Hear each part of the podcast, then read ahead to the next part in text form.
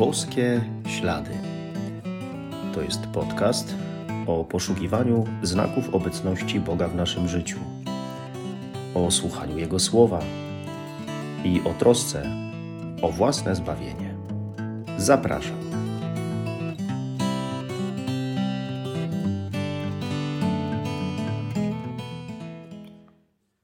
Witam serdecznie. Szczęść Boże. Jak ten czas szybko biegnie, już rozpoczynamy Adwent. Dla wielu to ulubiony okres liturgiczny w ciągu całego roku. Pewnie dlatego, że to czas, w przeciwieństwie na przykład do Wielkiego Postu, radosny. Czas radosnego oczekiwania na przyjście Pana. Akcent nie jest położony na post czy umartwienie, ale na czuwanie i modlitwę. Zamiast drogi krzyżowej czy gorzkich żali są roraty. Jest specyficzny klimat, który tak bardzo lubią najmłodsi. Poza tym w Adwencie zawsze się też coś dzieje. Nie brakuje różnych inicjatyw i dobrych uczynków. Niewątpliwie też na to, że Adwent jest tak bardzo lubiany, wpływa to, że bezpośrednio poprzedza święta Bożego Narodzenia. I wiemy, że Adwent podzielony jest na dwie części.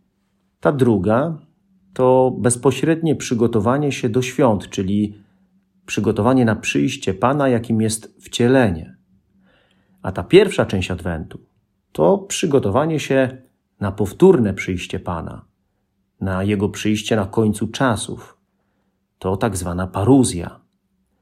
No więc od tego przygotowania zaczynamy. O tym też mówi Ewangelia na pierwszą niedzielę Adwentu.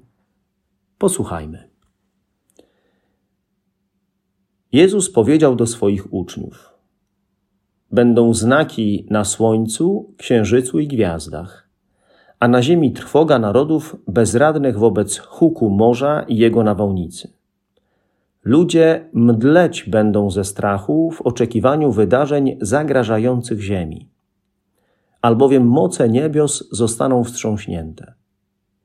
Wtedy ujrzą Syna Człowieczego nadchodzącego w obłoku z mocą i wielką chwałą. A gdy się to dziać zacznie, nabierzcie ducha i podnieście głowy, ponieważ zbliża się wasze odkupienie.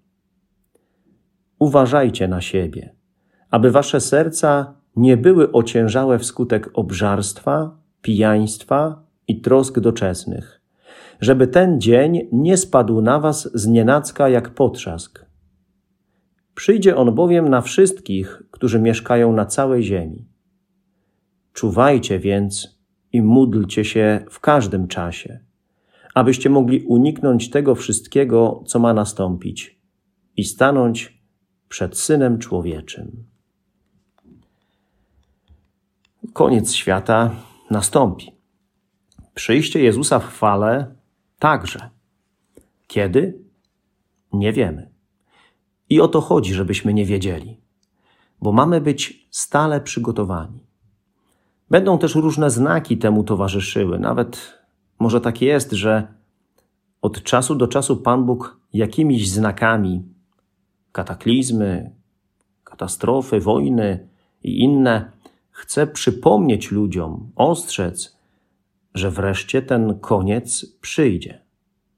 To jakby etapy przygotowywania się na całkowity, ostateczny koniec ziemskiego życia.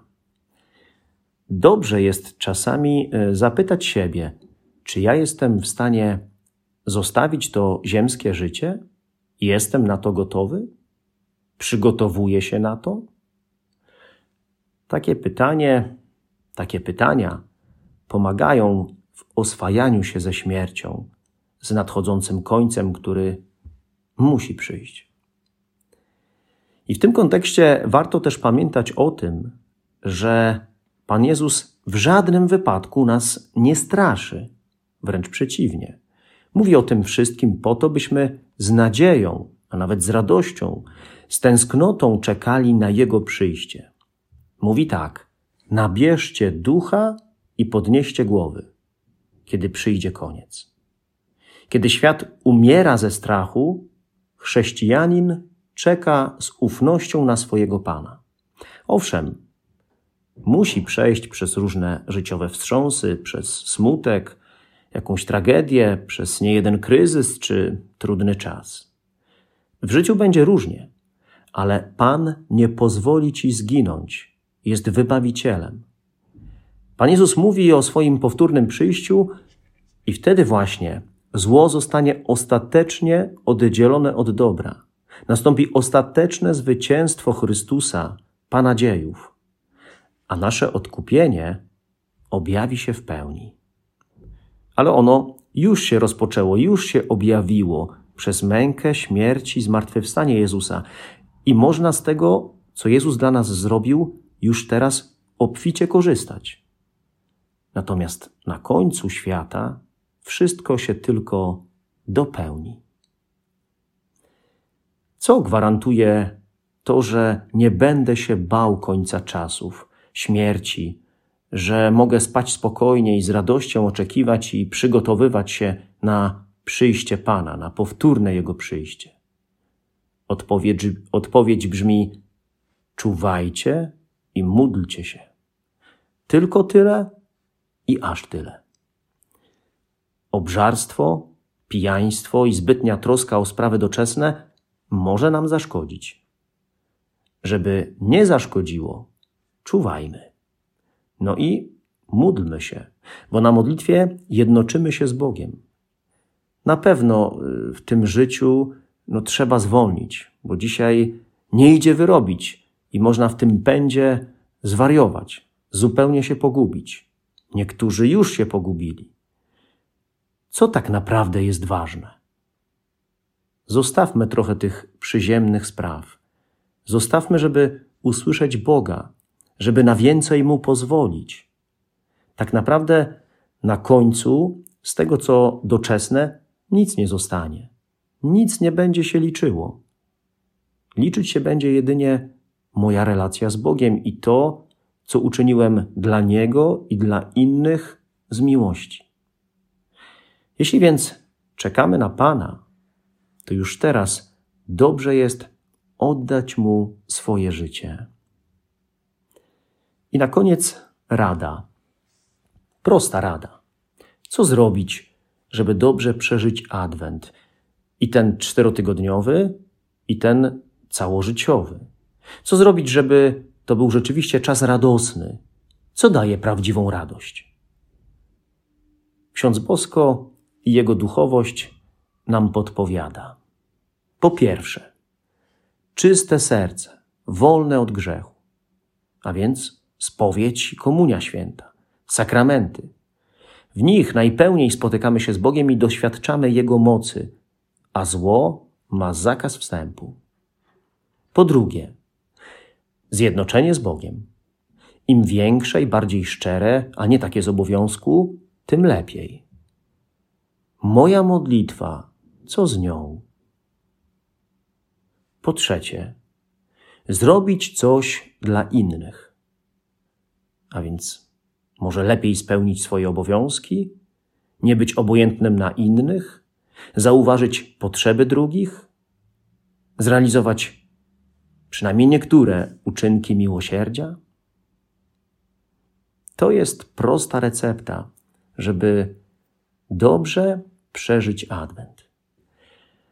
Są takie miejsca, takie przestrzenie w naszym życiu, gdzie jeszcze nie ma Pana, do których może jeszcze nie zaprosiliśmy Jezusa. Są takie części naszego serca, mojego serca, które bez Jezusa wołają Maranata, przyjdź Panie Jezu.